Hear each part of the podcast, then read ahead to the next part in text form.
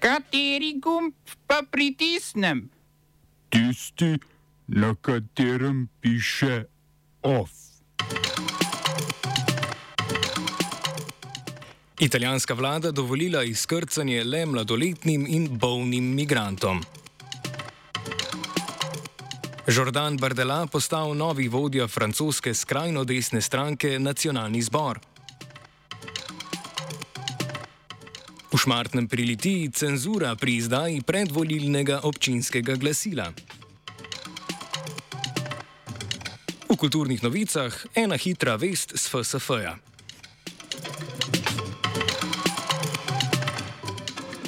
Italijanska vlada pod vodstvom postfašistke Giorge Meloni je naposled dovolila izkrcanje 140 mladoletnim in bolnim migrantom. Ob tem je vstop v državo zavrnila 35 zdravim moškim. Migranti so se izkrcali v pristanišču Katanja na Siciliji, pred obalo pa na dovoljenje za izkrcanje ščakajo še tri reševalne ladje. Sprejeti migranti so bili po bolniški oskrbi premeščeni v sprejemni center na otoku. Notranji minister Matteo Piantedosi ustraja, da morajo ostali zapustiti italijanske vode. Nemško veleposlaništvo v Rimu je prejšnji teden pozvalo italijansko vlado k sprejemu migrantov, premijeka Meloni pa se je odzvala s pozivom Nemčiji naj ladjo prizna za svojo. Humanitarna organizacija SOS Humanity, ki upravlja z ladjo, zasidrano v Katani, bo tožila italijansko vlado. Kot trdijo v organizaciji, dekret notranjega ministra, ki je omogočil izkrcanje le nekaterim migrantom, krši italijansko in mednarodno pravo.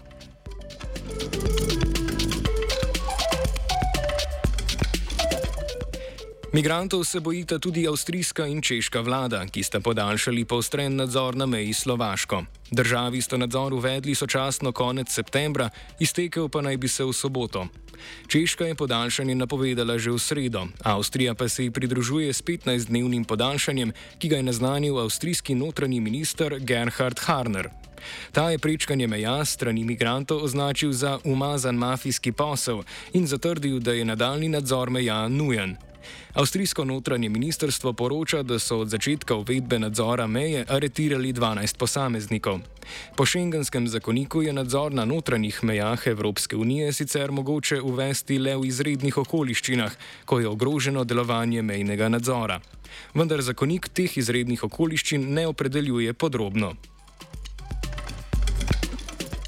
Češki parlament je zaradi porasta cene energentov sprejel nov davek na presežke podjetij. Češka bo uvedla 60-odstotni davek na dobiček podjetij, ki bodo v obdobju med letoma 2023 in 2025 za več kot 120 odstotkov presegla povprečen dobiček iz obdobja med letoma 2018 in 2021.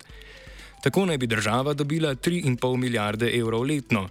Namenila jih bo za pomoč gospodinstvom in podjetjem, ki jih je energetska kriza prizadela. Medtem je Daniel Kržetinski, milijarder in eden od lasnikov energetskega konglomerata EPH, zagrozil, da bo ob sprejemu davka podjetje zapustilo državo. Zakon mora sicer sprejeti še senat.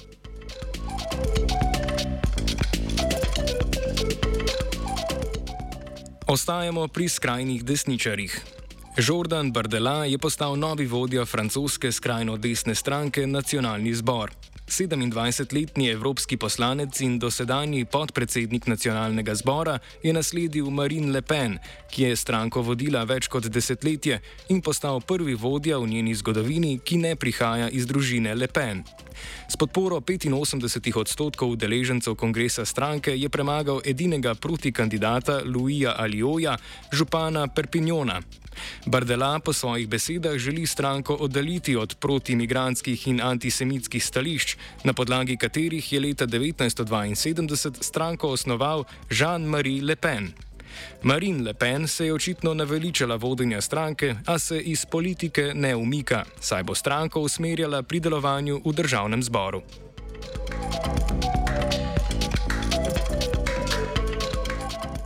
Prebivalci Frankfurta so na referendumu s 95-odstotno večino odstavili župana Petra Feldmana. Feldmanu iz socialdemokratske stranke trenutno sodijo zaradi suma korupcije.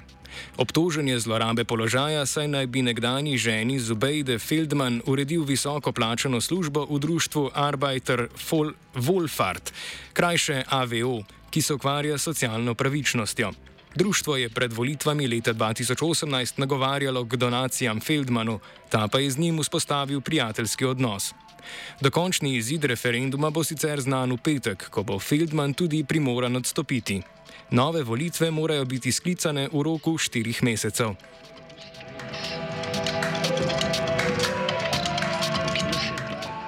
Vojska Demokratične republike Kongo je napovedala splošno mobilizacijo mladine v boju proti odporniški skupini Gibanje 23. marca.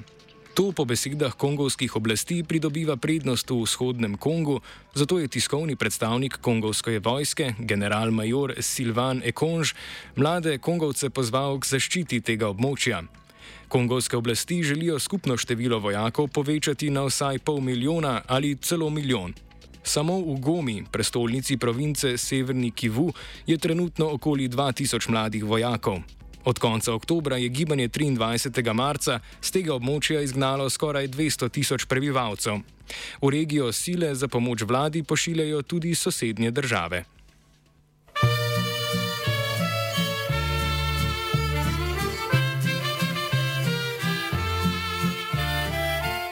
V Kosovski Mitrovici se je več tisoč kosovskih Srbov zbralo na protestnem shodu.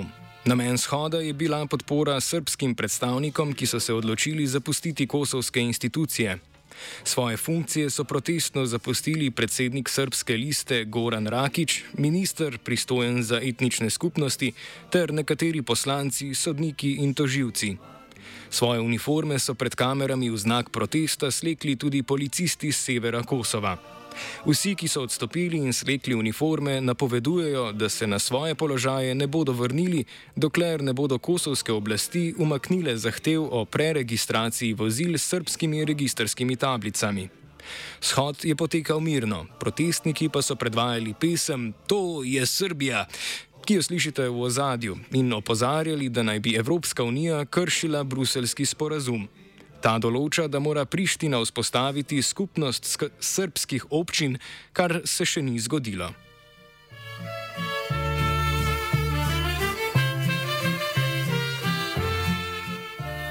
Praktične posledice nadzora in sankcioniranja napačnih registrskih tablic predstavi Eraldin Fazliu, ustvarjalec oddaje Interaktiv na Koha Vision KTV. I think the situation can can, get a, a, bit tense because who will be from Kosovo police now in the north to to basically issue this notice and fines for those who use uh, illegal car plates. Now it's only if special units go over there because since 2013 and on we've seen that Kosovo police in the north was mostly by Kosovo Serbs who worked under the uniform of the Republic of Kosovo, of Kosovo Police, under the chain command of Kosovo Police. But now I think the situation in terms of security can change a bit. I hope not, but it's more risky, I would say, since now whoever stops the uh, Kosovo Serbs in the north who is driving an Ill- with illegal car plates probably should be a Kosovo Albanian policeman from the other sides of the country.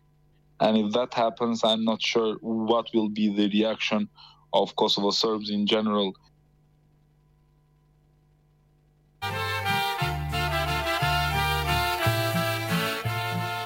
Še pred protesti je v soboto potekal razgovor med predstavnikom Evropske unije Giuseppom Borelijem, kosovskim premijejem Albinom Kurtijem in srpskim predsednikom Aleksandrom Vučićem. Borelju je pozval k vzpostavitvi dialoga v izogib morebitnemu nasilju. Nesporazum glede avtomobilskih registrskih tablic izhaja iz želje kosovskih oblasti po preregistraciji vozil kosovskih Srbov, kar je odziv na to, da morajo v Srbiji vozniki zamenjati kosovske registracije. Smo se osamosvojili, nismo se pa osvobodili. Naslednje število je še 500 projektov. Izpiljene modele, kako so se strani nekdanje LDS rotirali. Ko to dvoje zmešamo v pravilno zmes, dobimo zgodbo o uspehu. Takemu političnemu razvoju se reče udar. Jaz to vem, da je nezakonito, ampak kaj nam pa ostane? Brutalni obračun s politično korupcijo. To je Slovenija, tukaj je naša zemlja, to je Slovenija, Slovenija, Slovenija.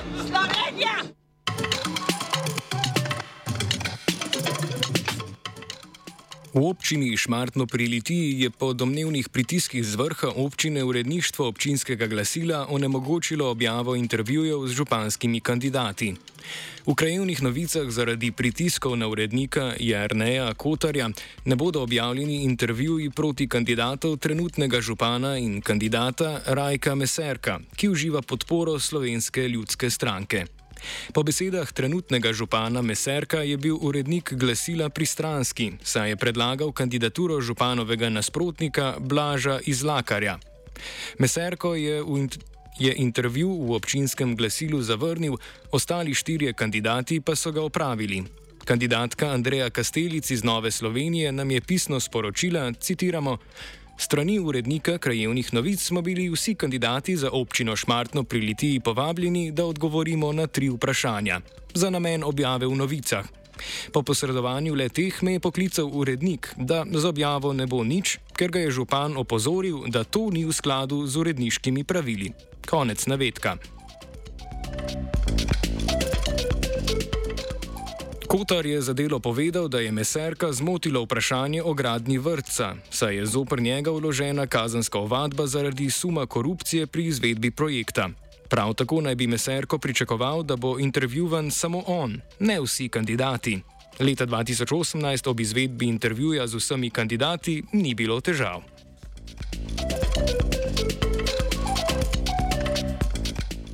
Off sta pripravili vajenka Pia Zala in Neva, poleg je posedal Virant.